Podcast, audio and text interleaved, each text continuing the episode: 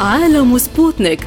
تغطية إخبارية موضوعية لأهم الأحداث حول العالم.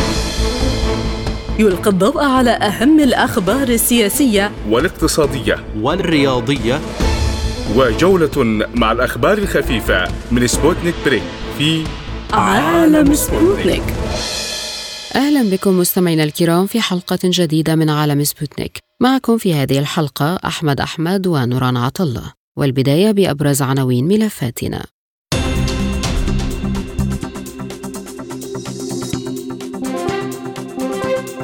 وثيقة المفهوم الجديد للسياسة الخارجية الروسية تعتبر واشنطن المصدر الرئيسي للمخاطر على أمن روسيا والسلام الدولي. ميدفيديف يقول إن قوات حفظ السلام التابعة للناتو ستكون هدفا مشروعا للجيش الروسي إذا نشرت في أوكرانيا. وزير الخارجية السوري يعقد مباحثات مع نظيره المصري بالقاهرة. تأجيل توقيع الاتفاق السياسي النهائي في السودان. اقتصاديا زيادة واردات إسبانيا من الغاز الروسي رغم العقوبات.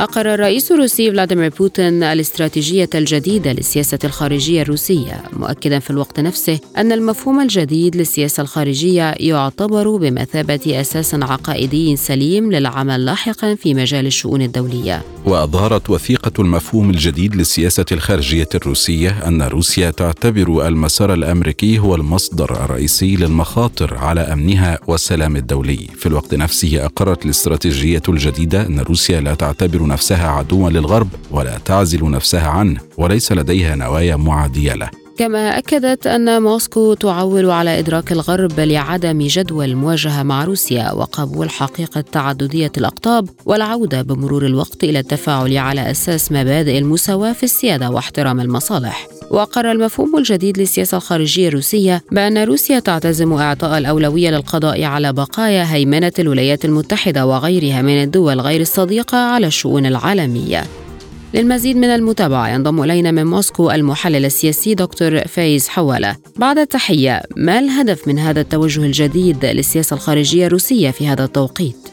بكل تأكيد السياسة الخارجية الروسية كما تعودنا عليها أنها كانت تتغير من فترة لأخرى آه، وفقا للتغيرات الدولية الطارئة والحاصلة. ولكن في هذه المرة أخذت طابعا خاصا وخاصة أن هناك عداوة أصبحت آه، بشكل مباشر آه، لروسيا الاتحادية والكراهية لروسيا الاتحادية التي تعمل الولايات المتحدة الأمريكية بشكل رئيسي على إطفائها من أجل أن تبقى مهيمنة ومسيطرة على العالم ورفضها الرفض القاطع لموضوع عالم متعدد الأقطاب عالم أكثر عدلا عالم أكثر أمانا يسود فيه قوة القانون وليس قانون القوة. من هذا المبدأ طبعا آه، أتت هذه العقيدة السياسية الجديدة لروسيا الاتحادية من أجل أن تواكب آه، التغيرات التي طرأت وحصلت على العالم وخاصة بعد آه، قيام روسيا الاتحادية بالعملية العسكرية الخاصة. في أوكرانيا من أجل اجتثاث النازية الجديدة. هذا من ناحية. من ناحية أخرى آه، طبعا هذا الأمر إذا ما أخذناه بالترتيب الزمني والتوقيت وهذا أمر مهم للغاية. فقد أتت كنتيجة مباشرة اولا لزيارة الرسمية التي قام بها رئيس الجمهورية العربية السورية بشار الأسد إلى روسيا الاتحادية وتوقيع اتفاقيات مهمة للغاية وخاصة في موضوع آه، آه، وضع أسلحة متطورة روسية في أراضي الجمهورية العربية السورية أي لضمان الأمن ليس فقط لسوريا وإنما أيضا لروسيا الاتحادية. وبالإضافة إلى ذلك والأهم من ذلك حتى هو الزيارة الناجحة والاستراتيجية التي قام بها الرئيس الصيني إلى روسيا الاتحادية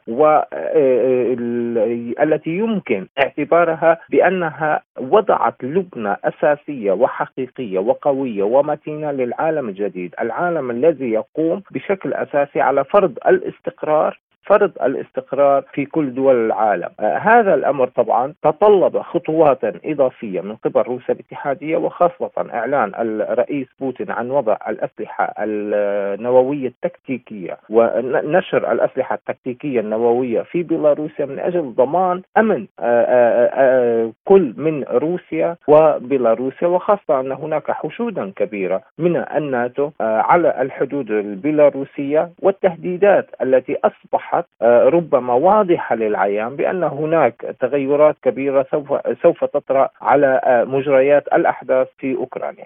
كل هذه الأمور مجتمعة مضافا إليها متابعة الولايات المتحدة الأمريكية حماقاتها السياسية وتسييس كل شيء وفرض قوانينها ونفسها على كل دول العالم حتى الانحطاط الأخلاقي الذي أصبح يسود في الولايات المتحدة الأمريكية وتفرضه على آه، باقي الدول آه، باقي دول العالم بغض النظر عن كونها حليفة أو غير حليفة. كل هذه الأمور أيضا أدت إلى أن آه، تعلن روسيا الاتحادية عن هذه العقيدة السياسية الدبلوماسية الجديدة التي تواكب عملية الإعلان الكامل والكلي لظهور العالم الجديد الأكثر امنا والأكثر عدالة. هل كشفت الوثيقة عن حجم التهديد الذي تمثله واشنطن على أمن روسيا والأمن والاستقرار العالمي؟ إذا أردنا أن نأخذ الغرب يجب أن نقسم الغرب إلى قسمين القسم الأول اللي هو ما يسمى بالأنجلو ساكسون أي الولايات المتحدة الأمريكية وإنجلترا والقسم الثاني الغربي وتحديدا دول الاتحاد الأوروبي سواء كان دول الاتحاد الأوروبي الشرقية أو الغربية المسلوبة الإرادة السياسية والاقتصادية. فالأمر مختلف تماما. أي أن السياسات تضعها الولايات المتحدة الأمريكية وتنفذها دول الاتحاد الأوروبي الشرقية أو الغربية، أما التهديدات نعم هناك تهديدات مباشرة، يعني مثلا عندما نتحدث عن نشر الرؤوس النووية الأمريكية في دول الاتحاد الأوروبي والتي تجاوزت حسب ما هو معلوم وحسب ما أدلى به آه، الرئيس بوتين بأكثر من ست دول تم نشر آه، رؤوس نووية، هل هذه رؤوس نوويه من أجل نشر الديمقراطية؟ أم أنها تهديدا مباشرا للأمن القومي الروسي؟ لذلك نجد بأن الحماقات السياسية أكرر مرة أخرى الحماقات السياسية التي ترتكبها وتفعلها الولايات المتحدة الأمريكية تدفع روسيا الاتحادية لاتخاذ خطوات إضافية من أجل ضمان أمنها القومي. أمر آخر ليس أقل أهمية مثلا دخول كل من فنلندا والسويد إلى الناتو. ما الذي يمنع آه، اليوم آه، الناتو بقيادة الولايات المتحدة الأمريكية من آه، نشر قواعدها العسكرية ورؤوسها النووية في فنلندا؟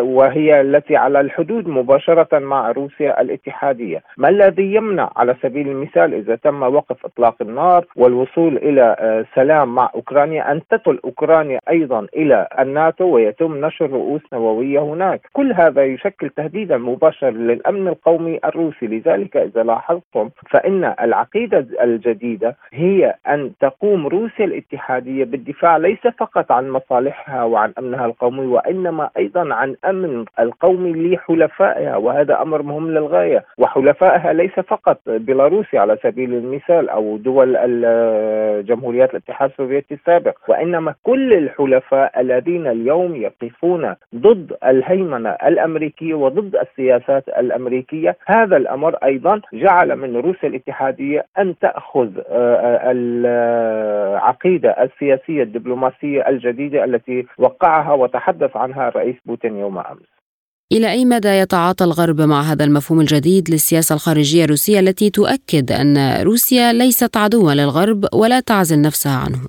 طبعا دائما آه، تعودنا على الولايات المتحدة الأمريكية بأنها تبيع الوهم ولا تشتريه، وهي تخيف حلفائها وتستبزهم استبزازا منقطع النظير إن صح التعبير بدءا من آه، المساهمة في تطوير القدرة العسكرية لدول الناتو والتي هي أصبحت تبلغ حوالي الأربع بالمئة من الناتج القومي لكل دولة آه، وهي تدفع في حقيقة الأمر إلى الولايات المتحدة الأمريكية وإلى المجمعات الحربية. ولكن كيف سوف يتم مواجهة ذلك؟ يجب على الدول الأوروبية أن تعي تماما بأن الأمن لا يمكن تجزئه على الإطلاق.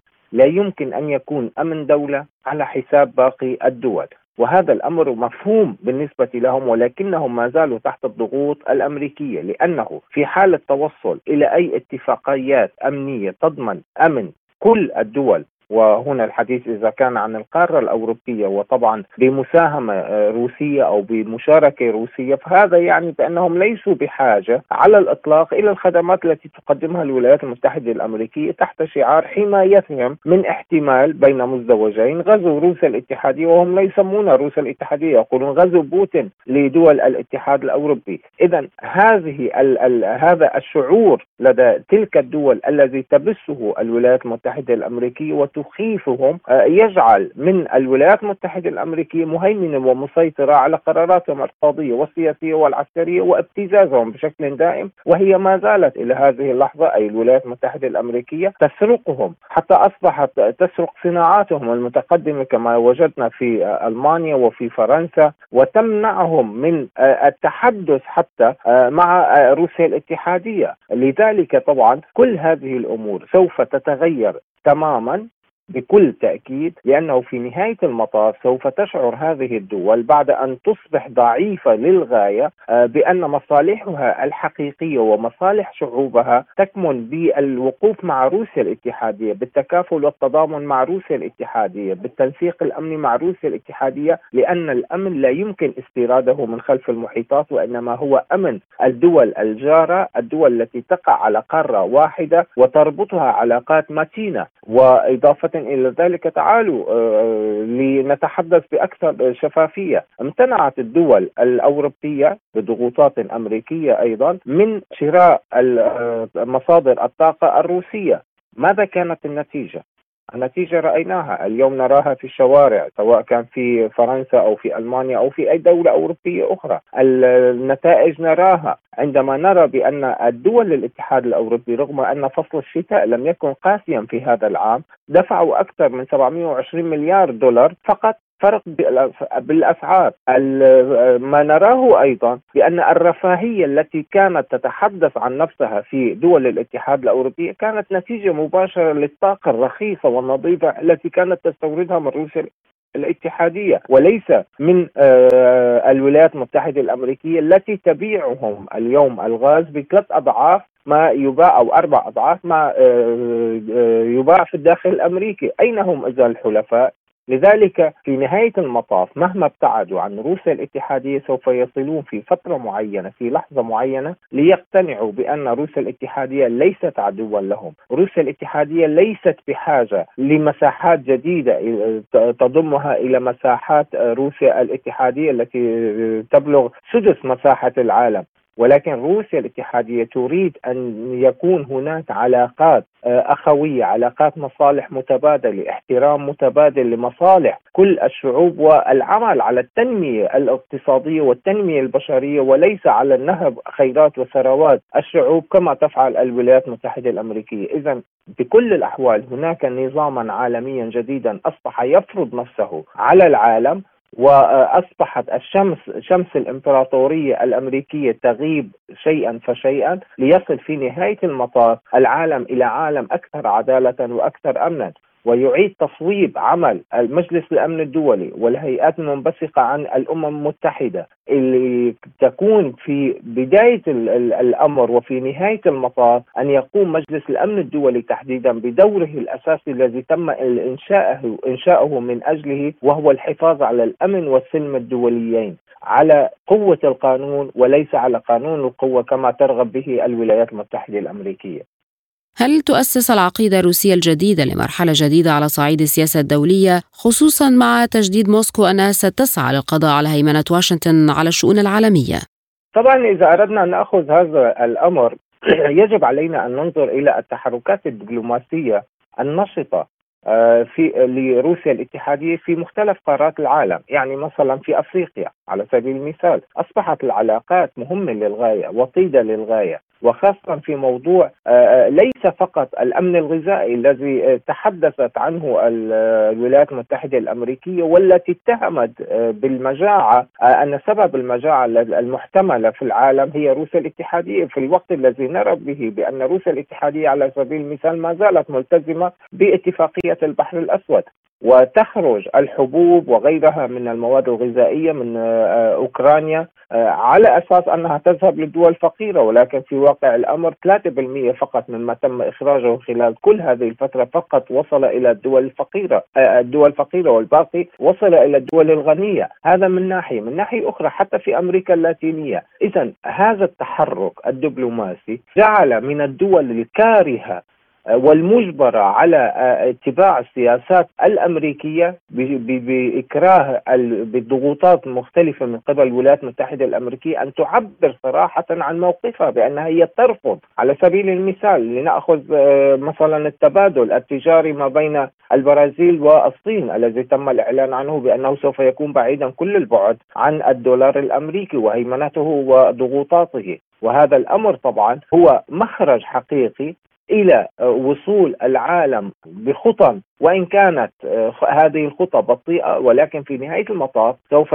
تعمم على كل دول العالم ويفقد من خلاله الدولار الأمريكي هيمنته وسيطرته على الاقتصاد العالمي لأننا نعلم جيدا بأن ما تمارسه الولايات المتحدة الأمريكية من خلال آه، هيمنة الدولار على التجارة العالمية التي يمكن تسميتها ويجب تسميتها تمارس مباشرة الإرهاب الاقتصادي ضد أي دولة تسير بعكس اتجاهاتها السياسية ولا تنفذ أوامرها السياسية وتضمن مصالح الولايات المتحدة الأمريكية، لذلك لذلك نعم هناك تحركات هناك عالم جديد سوف يظهر بكل تأكيد وأصبحت ملامحه وبناءه وحتى أساساته موجودة ولا بد في نهاية المطاف من أن تصبح الولايات المتحدة الأمريكية دولة ككل الدول تعامل وتتعامل مع كل الدول انطلاقا من مصالح مشتركة وليس من مصالح دولة على حساب دولة أخرى، إضافة إلى ذلك آه، نرى بأن الولايات المتحدة الأمريكية من خلال حماقاتها السياسية هي تسعى فقط إلى أشعال الحروب وليس إلى اطفائها،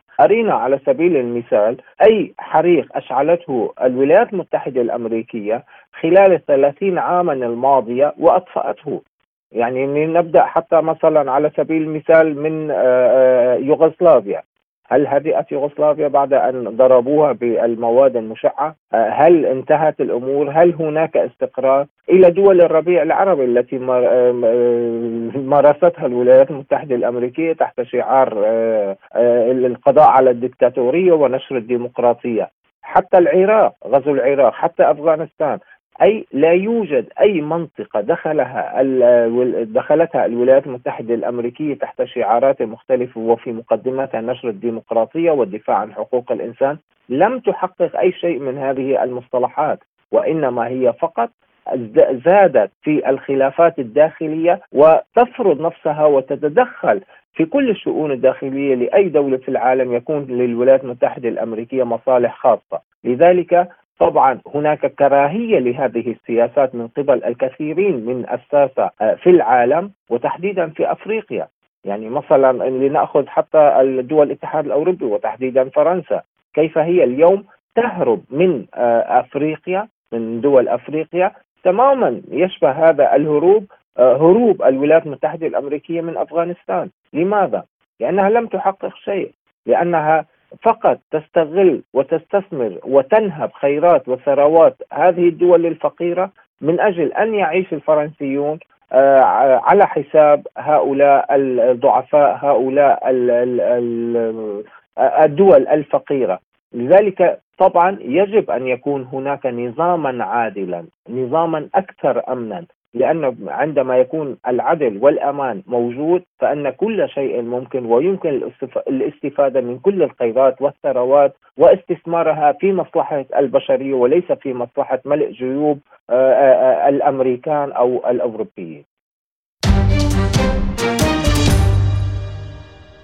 أعلن نائب رئيس مجلس الأمن الروسي دمتري مدفيديف أن روسيا ستعتبر من يطلقون على أنفسهم قوة حفظ سلام تابعة لحلف الناتو أهدافا مشروعة إذا تم نشرهم في أوكرانيا على خط المواجهة. وأضاف في تصريحات على قناته على تليجرام أن ما يسمى بقوات حفظ السلام التابعة لحلف الشمال الأطلسي سوف يدخلون الصراع إلى جانب أوكرانيا مما يجعل الوضع يصل إلى نقطة لا عودة ويطلق العنان للحرب العالمية الثالثة التي يخافون منها كثيرا بالكلمات بحسب قوله.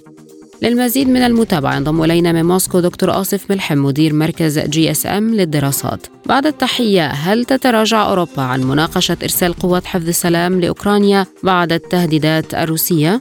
أستاذ نوران المشكلة أن الغرب يعني تورط في أوكرانيا على ما يبدو وأنهم بدأوا البحث الآن عن حل ما يحفظ ماء الوجه. وقد وقد لاحظنا على سبيل المثال في بعض بعض الصحف الأمريكية بدأت تنشر آه، بعض المقالات على لسان مسؤولين سابقين آه، على سبيل المثال السيد ماريو ليولا وهو مستشار سابق في البنتاغون وأستاذ في جامعة فلوريدا الدولية نشر مقالة يقول فيها أن الدول الغربية مستعدة آه، يعني للاعتراف بسيادة روسيا على المناطق التي ضمتها في سبتمبر الماضي مقابل مبلغ من المال. يعني نوع دخلنا في نوع من البازار السياسي إن صح التسمية بين الطرفين. ولكن آه، من المؤكد أن روسيا لن توافق على مثل هذه الصفقة المهينة. هذه نقطة. النقطة الثانية الأموال ولو دفعتها روسيا لأوكرانيا مقابل هذه المناطق فهي لن تذهب إلى الخزانة الأوكرانية بل ستذهب إلى الخزانة الأمريكية ثمنا للأسلحة التي تقدمها لأوكرانيا. قوات حفظ السلام أستاذة يعني آه، يعني هذه القوات ما هدف وجودها؟ أولا لا يجوز وضع قوات حفظ السلام في تلك المنطقة إلا يعني بقرار من مجلس الأمن الدولي. ومجلس الأمن الدولي نحن نعلم أن روسيا والصين هما عضوان دائمان فيه ولن توافقا على مثل هذا الإجراء. أما إذا أرسلت قوات الناتو يعني من تلقاء نفسها قوات حفظ السلام آه، فهي قوات بالتأكيد قوات ناتوية تنتمي إلى حلف الناتو وبالتالي هي قوات معادية لأن نعلم جميعا أن أكثر من يدعم أوكرانيا بالسلاح آه، وبالإعلام أيضا هي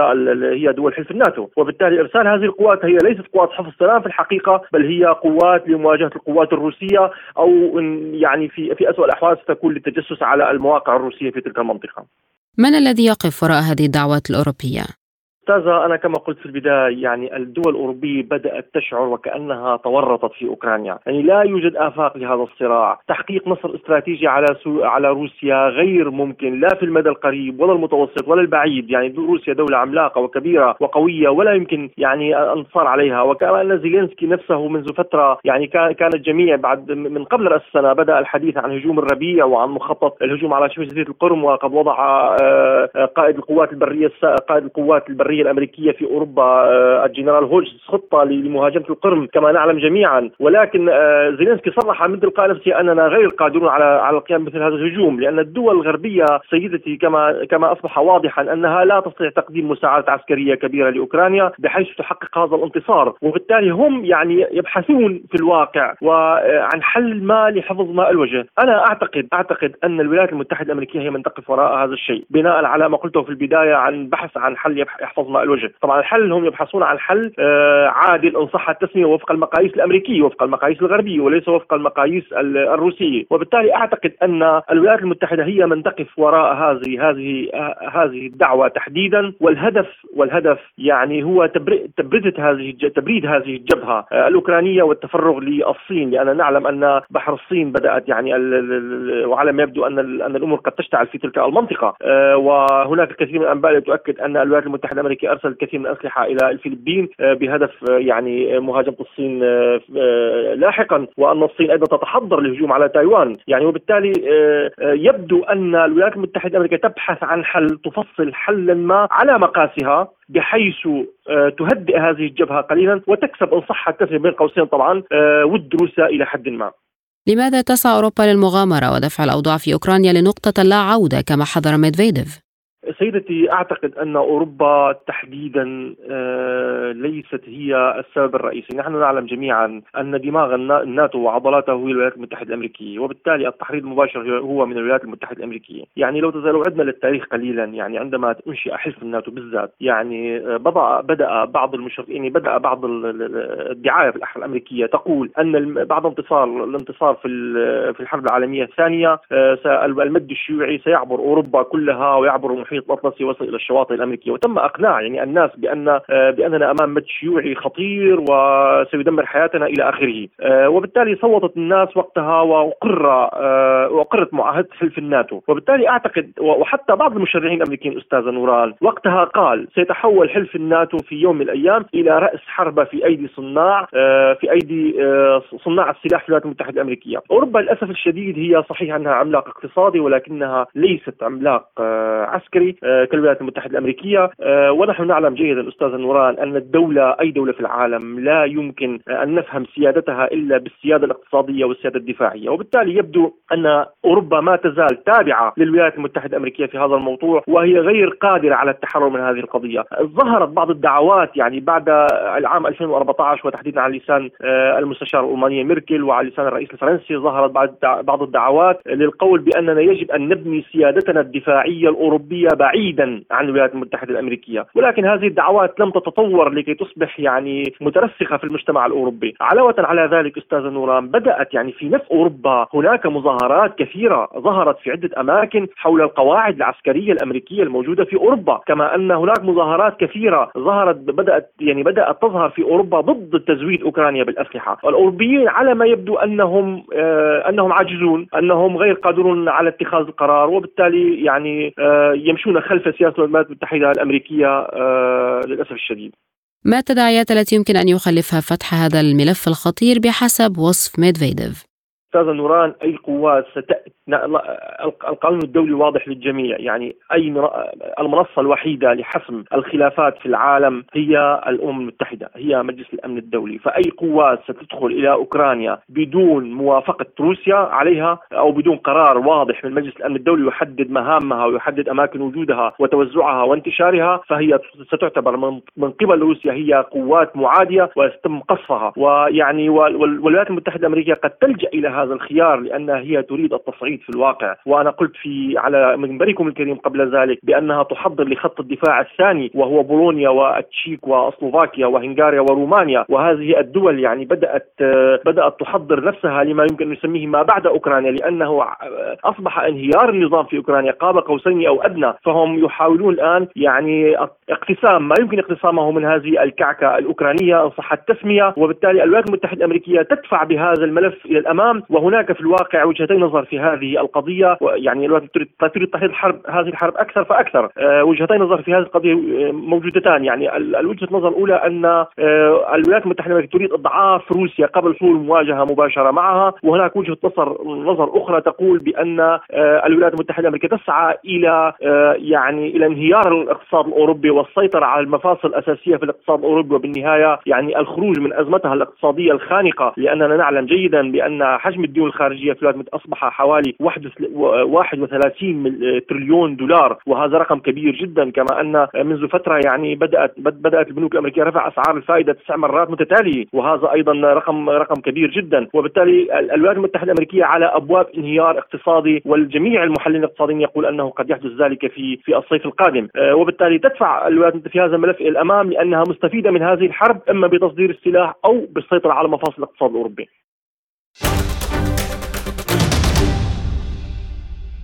يعقد وزير الخارجية السوري فيصل المقداد اليوم السبت مباحثات ثنائية مع نظيره المصري سامح شكري بالعاصمة المصرية القاهرة. وقال مراسل سبوتنيك إن الطرفين المصري والسوري سيبحثان الملفات الثنائية المشتركة وتطورات المشهد على الساحة العربية والدولية. وتعد زيارة المقداد للقاهرة هي الأولى منذ تعليق مقعد سوريا في جامعة الدول العربية واندلاع الأزمة السورية في 2011. إلى ذلك أفادت وسائل إعلام عربية بان وفدا مصريا سيسافر إلى سوريا لترتيب قمة مشتركة بعد عيد الفطر مشيرة إلى زيادة التنسيق الأمني بين البلدين.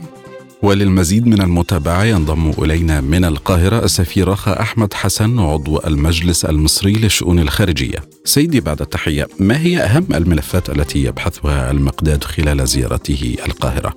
يعني هو التركيز سيكون على العلاقات الثنائية خاصة ما تحتاجه سوريا في مجال إعادة الإعمار لأن سوريا محتاجة إلى عملية ضخمة للغاية في إعادة الإعمار نتيجة ما حدث من تدمير طوال عشر سنوات من الحرب.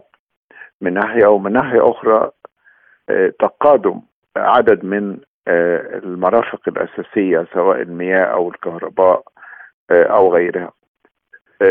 أيضا بالنسبة لمدى إمكانية استكمال مشروع إمداد سوريا بالغاز المصري. وده كان طرح في بداية 2022 أو واحد وأواخر 21 وإن ده سيمتد من الأردن إلى سوريا. ولكن يعني ما زال لم لم يستكمل حتى الآن. ده موضوع من ناحية أيضا التبادل التجاري. يعني هو في تبادل تجاري بين مصر وسوريا. آه ولكن آه يعني ممكن زيادة هذا التبادل التجاري على أساس أن آه ما تواجهه آه سوريا من أزمة اقتصادية حادة سواء بسبب ظروف الحرب في آه سوريا على مدى السنوات اشرت اليها عشر سنوات أو نتيجة الأزمة الاقتصادية العالمية المترتبة على جائحة كورونا ثم الحرب الأوكرانية. فده ده ملف يعني العلاقات الثنائية ومدى إمكانية رفع مستوى العلاقات إلى مستوى السفارة مرة أخرى يعني وبحث مدى إمكانية عودة سوريا إلى مقعدها في جامعة الدول العربية خلال القمة التي ستعقد في الرياض في 14 مايو القادم. أيضا بالتأكيد سيتم مناقشة المحاولات التركية للتقارب مع سوريا وربط سوريا. هذا التقارب بضرورة إنهاء الاحتلال التركي لأراضي في شمال سوريا. لأن ده انتهاك للسيادة السورية. ولا بد أن يكون يعني اتفاق على جدول زمني لانسحاب القوات التركية كما جرى في المباحثات وأنت تعلم ذلك في موسكو أيضا بالنسبة للأزمات العربية الأخرى التي تؤثر على سوريا سواء بالنسبة للوضع في العراق أو القضية الفلسطينية أو الاعتداءات الإسرائيلية المستمرة على سوريا بدعوى إنها موجهة إلى أساسا القوات الإيرانية في سوريا ولكن هذا انتهاك لسيادة سوريا وسلامة أراضيها. هل تمهد هذه الزيارة للقاء قمة يجمع الرئيسين المصري والسوري؟ يعني أعتقد يعني يتعين أن يسبقوا حسب مفهومي يعني يعني مفهوم الدبلوماسي إن يتعين أن يسبقوا إعادة العلاقات أو الاتفاق على رفع مستوى العلاقات إلى السفارة. في الحالة دي ممكن إن هو يتم الاتفاق على اللقاء خاصة وإن الرئيس بشار الأسد سبق أن زار بعض الدول العربية يعني زار الإمارات مرتين وزار عمان مرة ويعني لا مانع لأن ده دولة عربية شقيقة يعني فلكن ده يعني مرتبط بما ستسفر عنه المباحثات التي يقوم بها وزير خارجية سوريا فيصل المقداد مع وزير الخارجيه سامح شكري. كما أشرتم إلى القمة العربية المقبلة، هل ترعى مصر عودة سوريا لموقعها العربي ومن ثم استعادة مقعدها في الجامعة العربية؟ يعني هو هناك خطوة ربما تكون مؤشرا ايجابيا عما سبق هذه الخطوة، هذه الخطوة إن السعودية المملكة العربية السعودية قررت إعادة فتح قنصليتها في دمشق وبدأ فعلا الإعداد بحيث إنها تفتتح بعد شهر رمضان فهذا دليل الدولة من كان من دولتين يعني لهم تحفظات. تبقى قطر. قطر أعتقد يعني من المفترض أن هي تقتنع بضرورة عودة سوريا على أساس أن قطر نفسها عانت من المقاطعة. فبالتالي هي دخلت في هذه التجربة. فنأمل أن يكون هذا. نقطة أيضا مهمة جدا ربما لا يشير لها الكثيرون. وهي أن وقف عضوية سوريا في جامعة الدول العربية لم يتم بالإجماع. كان هناك تحفظات من دول على هذا وبالتالي ليس بالضرورة أن يتم بالإجماع ولكن الرغبة في أن يكون في توافق عربي عام حتى بالكونسنسس بتوافق الآراء فده يكون أفضل في إطار محاولة تصفيه الأجواء العربية. وما تأثير الحراك العربي تجاه سوريا على العملية السياسية لتسوية الأزمة السورية؟ يعني هي الأزمة السورية أخذت منحنى معقدا منذ أن تم تدويلها دولت إقليميا دخل فيها تركيا ودول بعض دول الخليج. دوليا طبعا دخل فيها الولايات المتحدة الأمريكية وروسيا وإيران. فهنا أصبح في أطراف غير عربية. ولكن في رأيي أن إذا الأطراف العربية دفعت بقوة آه، نحو التوافق ما بين المعارضة وبين النظام السوري والوصول إلى حلول وسط آه، سواء بالنسبة للدستور تعديلات الدستور أو بالنسبة للمرحلة الانتقالية ثم قانون الانتخابات فده سيؤدي إلى استكمال ما ورد في قرار مجلس الأمن الدولي 2254 وده صدر بالإجماع في 2015 آه، مر عليه فترة طويلة ولكن ما يزال يعتبر هو أساس الدولي المتفق عليه. فده يسهل بلا شك. ولكن لن يؤدي مباشرة لابد أن يكون في تراضي بين جميع الأطراف وخاصة القطبين الكبيرين الولايات المتحدة الأمريكية وروسيا ولو بطريق غير مباشر لأن الربط بين مش مشاكل أخرى بيعقد المشكلة السورية خاصة إذا ربطت الولايات المتحدة بين الأزمة الأوكرانية وبين سوريا. كان هناك ربط بين الموقف من إيران وبين الأزمة السورية. الآن المصالحة الخارجيه مع إيران وبدء تفكيك تدريجيا الأزمة اليمنية لحلحلتها والتوصل إلى حلول وفقا للمبادرات اللي سبق طرحها ربما يؤدي إلى المساهمة في حل الأزمة السورية. قال خالد عمر يوسف المتحدث باسم الموقعين على الاتفاق السياسي السوداني إنه تم تأجيل توقيع الاتفاق النهائي الذي يتضمن إنشاء سلطة مدنية انتقالية في البلاد لعدم التوصل لتوافق حول بعض القضايا العالقة. وأضاف يوسف في تغريدة على تويتر إنه سيعقد اليوم السبت اجتماعا يضم الأطراف المدنية والعسكرية الموقعة على الاتفاق الإطاري والآلية الثلاثية لتحديد موعد جديد للتوقيع على الاتفاق السياسي النهائي. وأوضح أن جميع الأطراف ستواصل انخراطها في مناقشات جادة من أجل تجاوز العقبات الأخيرة في طريق الوصول لاتفاق يسترد مسار التحول المدني الديمقراطي تتشكل بموجبه سلطة مدنية تقود الانتقال وترفع المعاناة عن كاهل الشعب السوداني الذي لم يتراجع يوما عن بلوغ غايته. للمزيد ينضم إلينا من السودان المحللة السياسية دكتورة طماضر أحمد. سيدتي أهلا بك بداية ما أسباب تأجيل توقيع الاتفاق النهائي وما طبيعة القضايا التي يدور حولها الخلاف؟ أنا في اعتقادي أن سبب التأجيل أتى نتيجة لبعض الخلافات هذه الخلافات يمكن أن نلخصها في أنها خلافات تتعلق بالقضايا الخاصة بالإصلاح الأمني وربما بعض الخلافات الخاصة بإشراك أكبر آه نسبة ممكنة من آه السياسيين المدنيين. ولكن في تقديري أنها خلافات من السهولة أن يتم تخطيها. نعم. هل الخلافات بين أطراف بعينها أم بين الجميع؟ الأطراف الموقعة مع العسكريين المدنيين والعسكريين. والعسكريين أيضا فيما بينهم.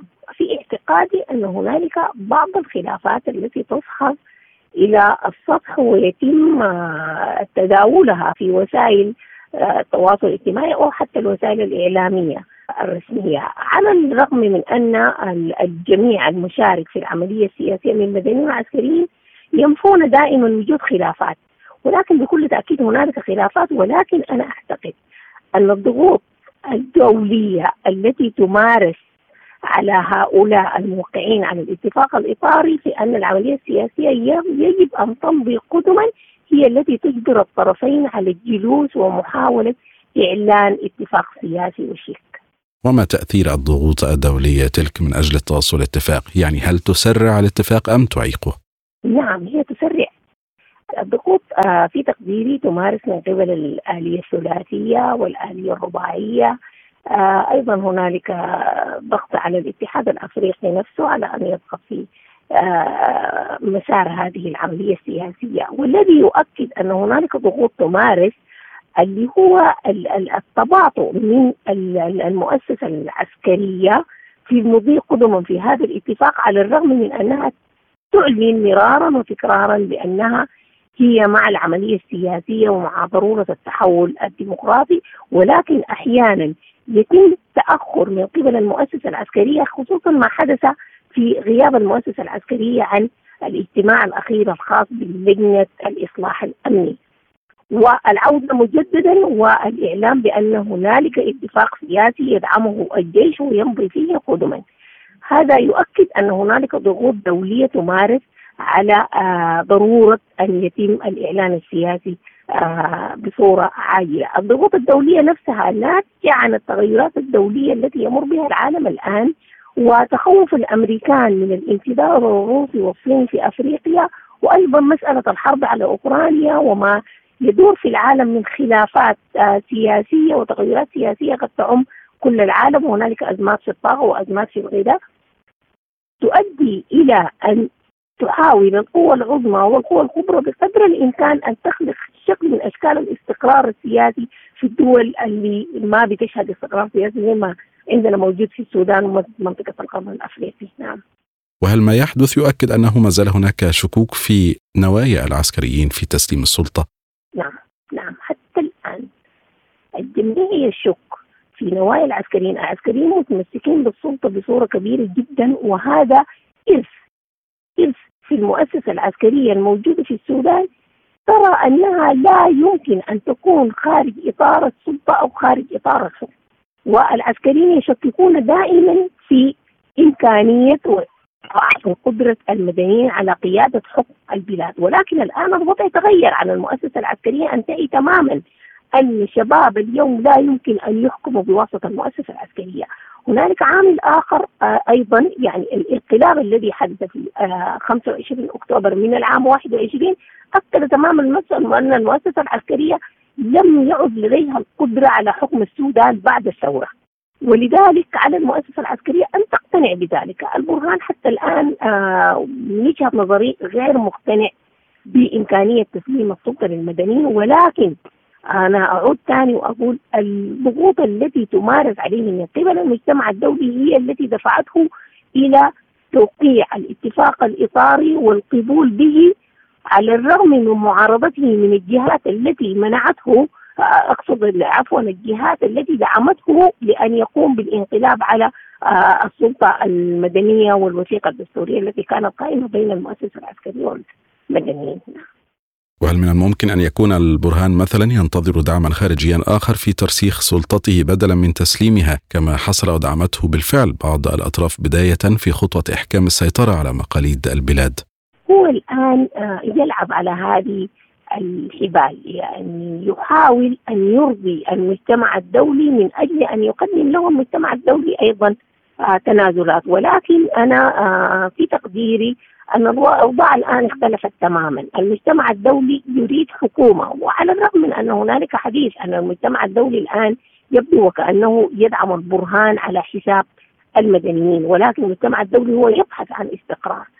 فلربما يحاول البرهان أن يضمن آه، بعض أو يمنح بعض الشروط للمجتمع الدولي مقابل بقائه في السلطة مقابل آه، عدم ملاحقة المدنيين والثوار للعسكريين ومحاولة مطالبتهم بقدر الإمكان تحقيق أو إجراء تحقيقات حول من قتل المتظاهرين ومن فعل ومن وكذا.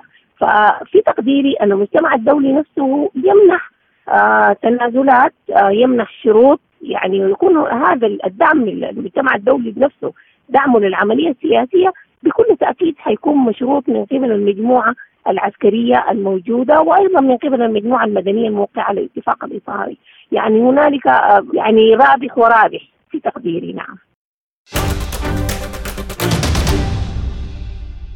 تصدرت إسبانيا قائمة الدول الأوروبية في واردات الغاز المسال من روسيا عن طريق شركات خاصة وبمعاملات قانونية. وتقف السلطات الأوروبية وإسبانيا عاجزة بسبب زيادة مشترياته من الغاز الروسي المسال بحسب تقرير لصحيفة الكونفيدنشال الإسبانية. وجاء في التقرير أن الغاز الروسي يتدفق إلى إسبانيا بوفرة مشيرا إلى أن السلطات الأوروبية حاولت الضغط على مستوردي الوقود الإسبان رغم حقيقة أن الغاز الطبيعي الروسي المسال غير مقيد بالعقوبات الغربية.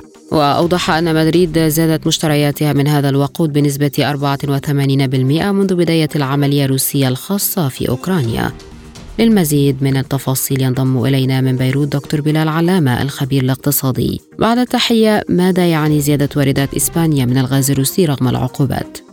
صباح الخير أه تحية للمستمعين الكرام. أه زيادة الواردات الروسية إلى إسبانيا هي أه حاجة ضرورية بالنسبة لأوروبا. وقد ذكرنا سابقا أن رغم كل العقوبات التي حاول الغرب والولايات المتحدة الأمريكية فرضها على روسيا هي لن تجدي ولن تؤدي إلى تطويق روسيا نظرا كون روسيا هي دولة كبرى وتتمتع بموارد كبيرة وقادرة على كسر كل أنواع العقوبات والحصار نظرا لحاجة الدول الأوروبية إلى الموارد الروسية. وما نشهده اليوم بالنسبة لإسبانيا هو جزء من هذه العملية علما أن أن روسيا من خلال علاقاتها الدولية وارتباطها ببعض الدول استطاعت كسر هذا الحصار الذي فرض عليها واستطاعت أن تؤمن أسواق لوارداتها لصادراتها بالكامل سواء من الغاز أو النفط أو الموارد الأخرى إلى أي مدى يظهر ذلك عجز أوروبا عن الاستغناء عن الغاز الروسي؟ هذا بالحقيقة هو ظاهر منذ اللحظة الأولى آه كون آه كما ذكرت أن روسيا تتمتع بموارد آه كبيرة ولها لها أثر كبير على توازن الاسواق سواء بالسلع الاستراتيجية أو السلع الإضافية التي تمتلك مسيرتها روسيا. هذا يدل أيضا على أن الغرب والأوروبيين لم يستطيعوا ولا بأي شكل من الأشكال التخلي أو الاستغناء عن الموارد الروسية ومنها الغاز الطبيعي وما يحصل اليوم كنا دعينا إلى أن يحصل بشكل تفاوضي وطبيعي منذ أشهر.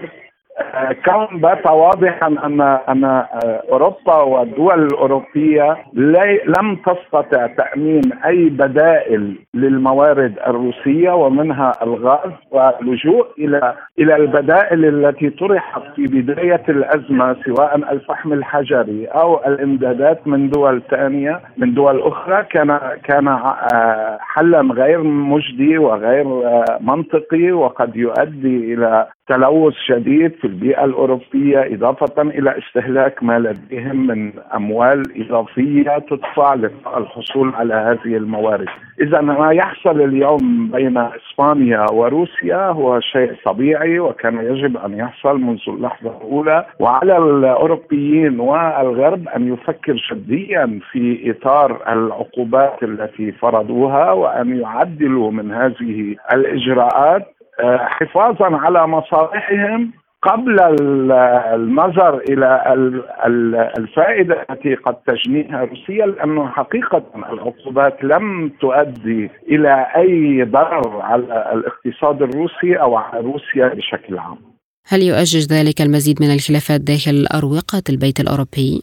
أعتقد اليوم أن حتى لو بالظاهر حصل بعض الخلافات أو بعض الاختلافات اوروبيا وداخل البيت الأوروبي بالنسبة لنظرة البعض تجاه البعض الآخر بعض الدول التي تلجأ إلى الموارد الروسية وتلجأ إلى الامدادات الروسية فهي ستحصل بشكل ظاهري لأنه ضمنيا وبشكل منطقي وعقلاني الكل يعترف أن لا بديل عن الموارد الروسية لا بديل عن الإمدادات الروسية وعليهم أن يفتشوا عن إطار كي تعود الأمور إلى طبيعتها. روسيا جزء كبير من القارة الأوروبية ولا يمكن تخطيها لا بالعقوبات ولا بفرض مزيد من الإجراءات التي لا تسمن ولا تغني من جوع. والآن إلى جولة حول العالم. أعلن رئيس الأركان الأمريكية مارك ميلي أن أوكرانيا لن تكون قادرة على استعادة الأراضي بالكامل من روسيا في المستقبل القريب. وقال ميلي خلال حدث افتراضي نظمه موقع Defense One ردا على سؤال بهذا الصدد. إن المهمة عسكرية جادة وصعبة للغاية لكنها ليست مستحيلة. وأعرب عن اعتقاده أن هذا غير ممكن على المدى المنظور أو خلال هذا العام. أكد وزير الدفاع الألماني بوريس بيستوريوس أنه لا يمكن سد فجوات التسليح في جيش بلاده بحلول عام 2030 لافتا إلى أن مخزون الأسلحة أصبح محدودا. وقال بيستوريوس في مقابلة مع صحيفة فيلت الألمانية ردا على فجوة التسليح في أعقاب تصدير الأسلحة إلى أوكرانيا إنه لا يمكن سد الفجوات الحالية بالكامل بحلول 2030 لافتا إلى أن الأمر سيستغرق سنوات. أعلنت وزارة الدفاع الروسية أن تجمع القوات الجنوبية التابع للقوات المسلحة الروسية قضى على نحو 15 جنديا أوكرانيا ودمر معقلين على محور دونيتسك في منطقة مارينكا. وقال رئيس المركز الصحفي للتجمع لوكالة سبوتنيك إن وحدات هجومية لتجمع القوات الجنوبية على محور دونيتسك في منطقة مارينكا بدعم من الدبابات وناقلات الجند المدرعة دمرت معقلين للقوات المسلحة الأوكرانية. حذرت الرئاسة الفلسطينية اليوم السبت من أن التصعيد في المسجد الأقصى قد يعيد المنطقة إلى مربع العنف محملا إسرائيل مسؤولية هذه الاستفزازات. وحمل الناطق الرسمي باسم الرئاسة الفلسطينية نبيل بردينا سلطات الاحتلال الإسرائيلي مسؤولية هذه الاستفزازات. وطلب الجميع وخاصة الإدارة الأمريكية بالتدخل والضغط على حكومة الاحتلال لوقف جرائمها واعتداءاتها قبل فوات الأوان. أكد وزير الخارجية الإثيوبي ديميكي ميكونين مجددا اليوم السبت أن سد النهضة سيعود بالفائدة على دولتي المصب مصر والسودان وقال في تصريحات إن أديس أبابا ترغب في استئناف المفاوضات الثلاثية بشأن سد النهضة ضمن الإطار الأفريقي. مستمرون معكم وهذه تذكرة بأهم العناوين.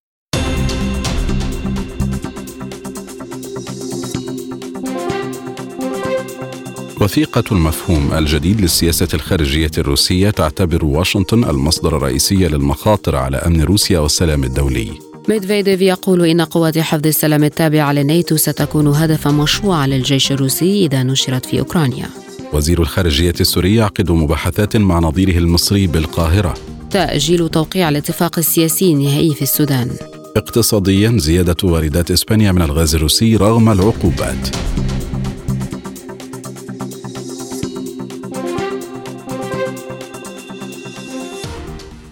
الآن إليكم مجموعة من الأخبار الاقتصادية.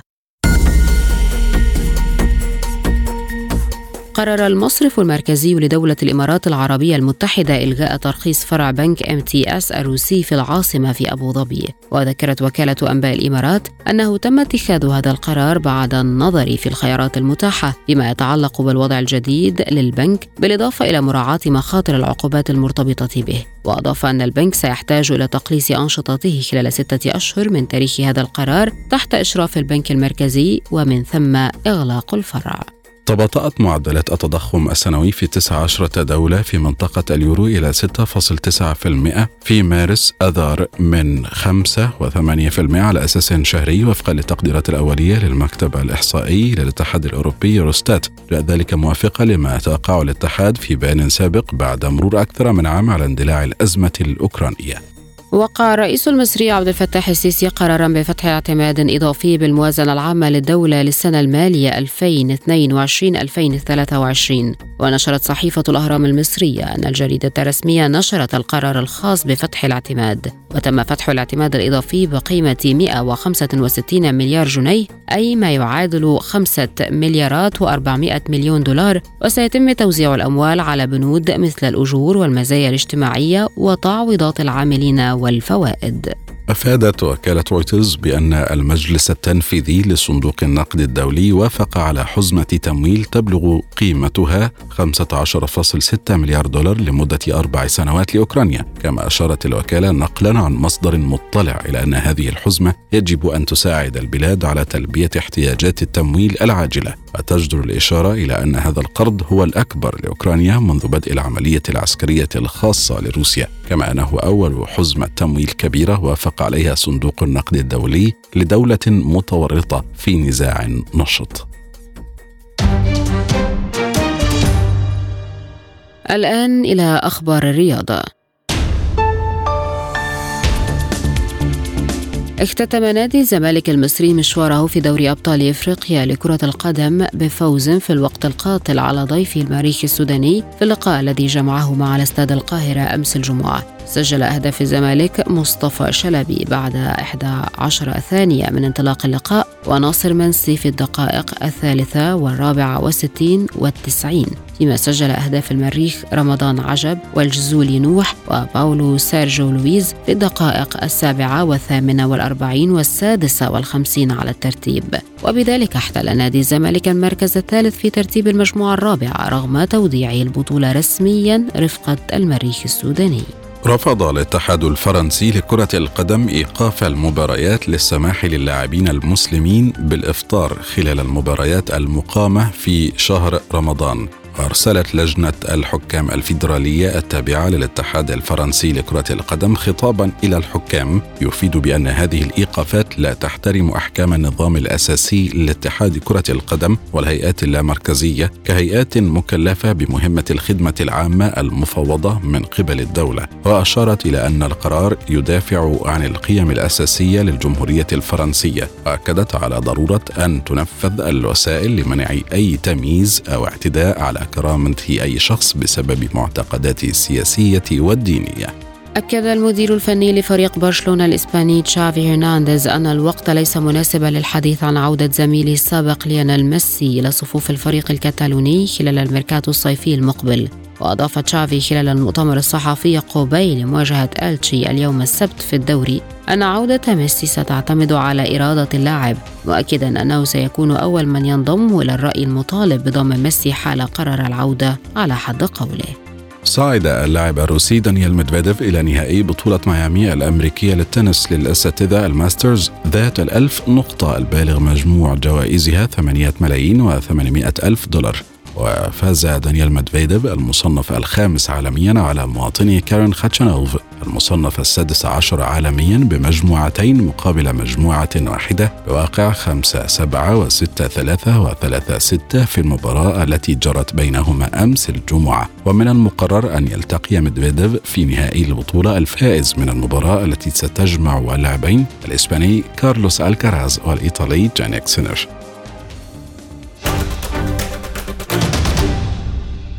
الآن إلى سبوتنيك break.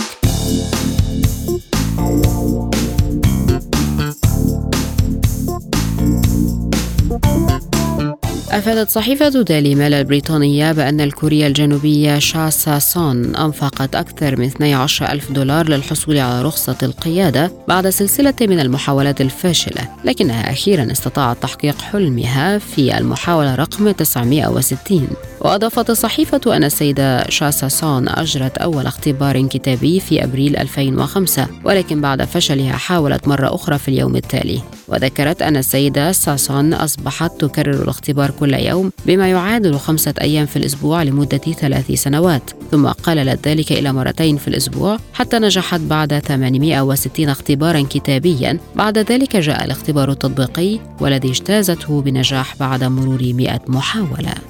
توقعت دراسة علمية حديثة أن يصل عمر الرجال الذين ولدوا في عام 1970 إلى 141 عاما بينما توقعت أن يصل عمر الإناث لعمر أقصاه 131 عاما كما نشرت صحيفة التلغراف البريطانية الدراسة التي توقعت أن يعود متوسط عمر الإنسان إلى الارتفاع بعد نكسة أصابته به خلال أزمة جائحة كورونا. وأضافت أنه أيضا بالاستناد لدراسة نشرت في دورية بلس وان العلمية أن شخصا ممن ولدوا في بريطانيا خلال أربعينيات القرن الماضي سيعيش حتى يتجاوز عمره 122 عاما ليصبح بذلك أكبر معمر معروف حاليا على الإطلاق. لا يبقى في هذه الحلقة سوى التذكير بأهم ملفات عالم سبوتنيك.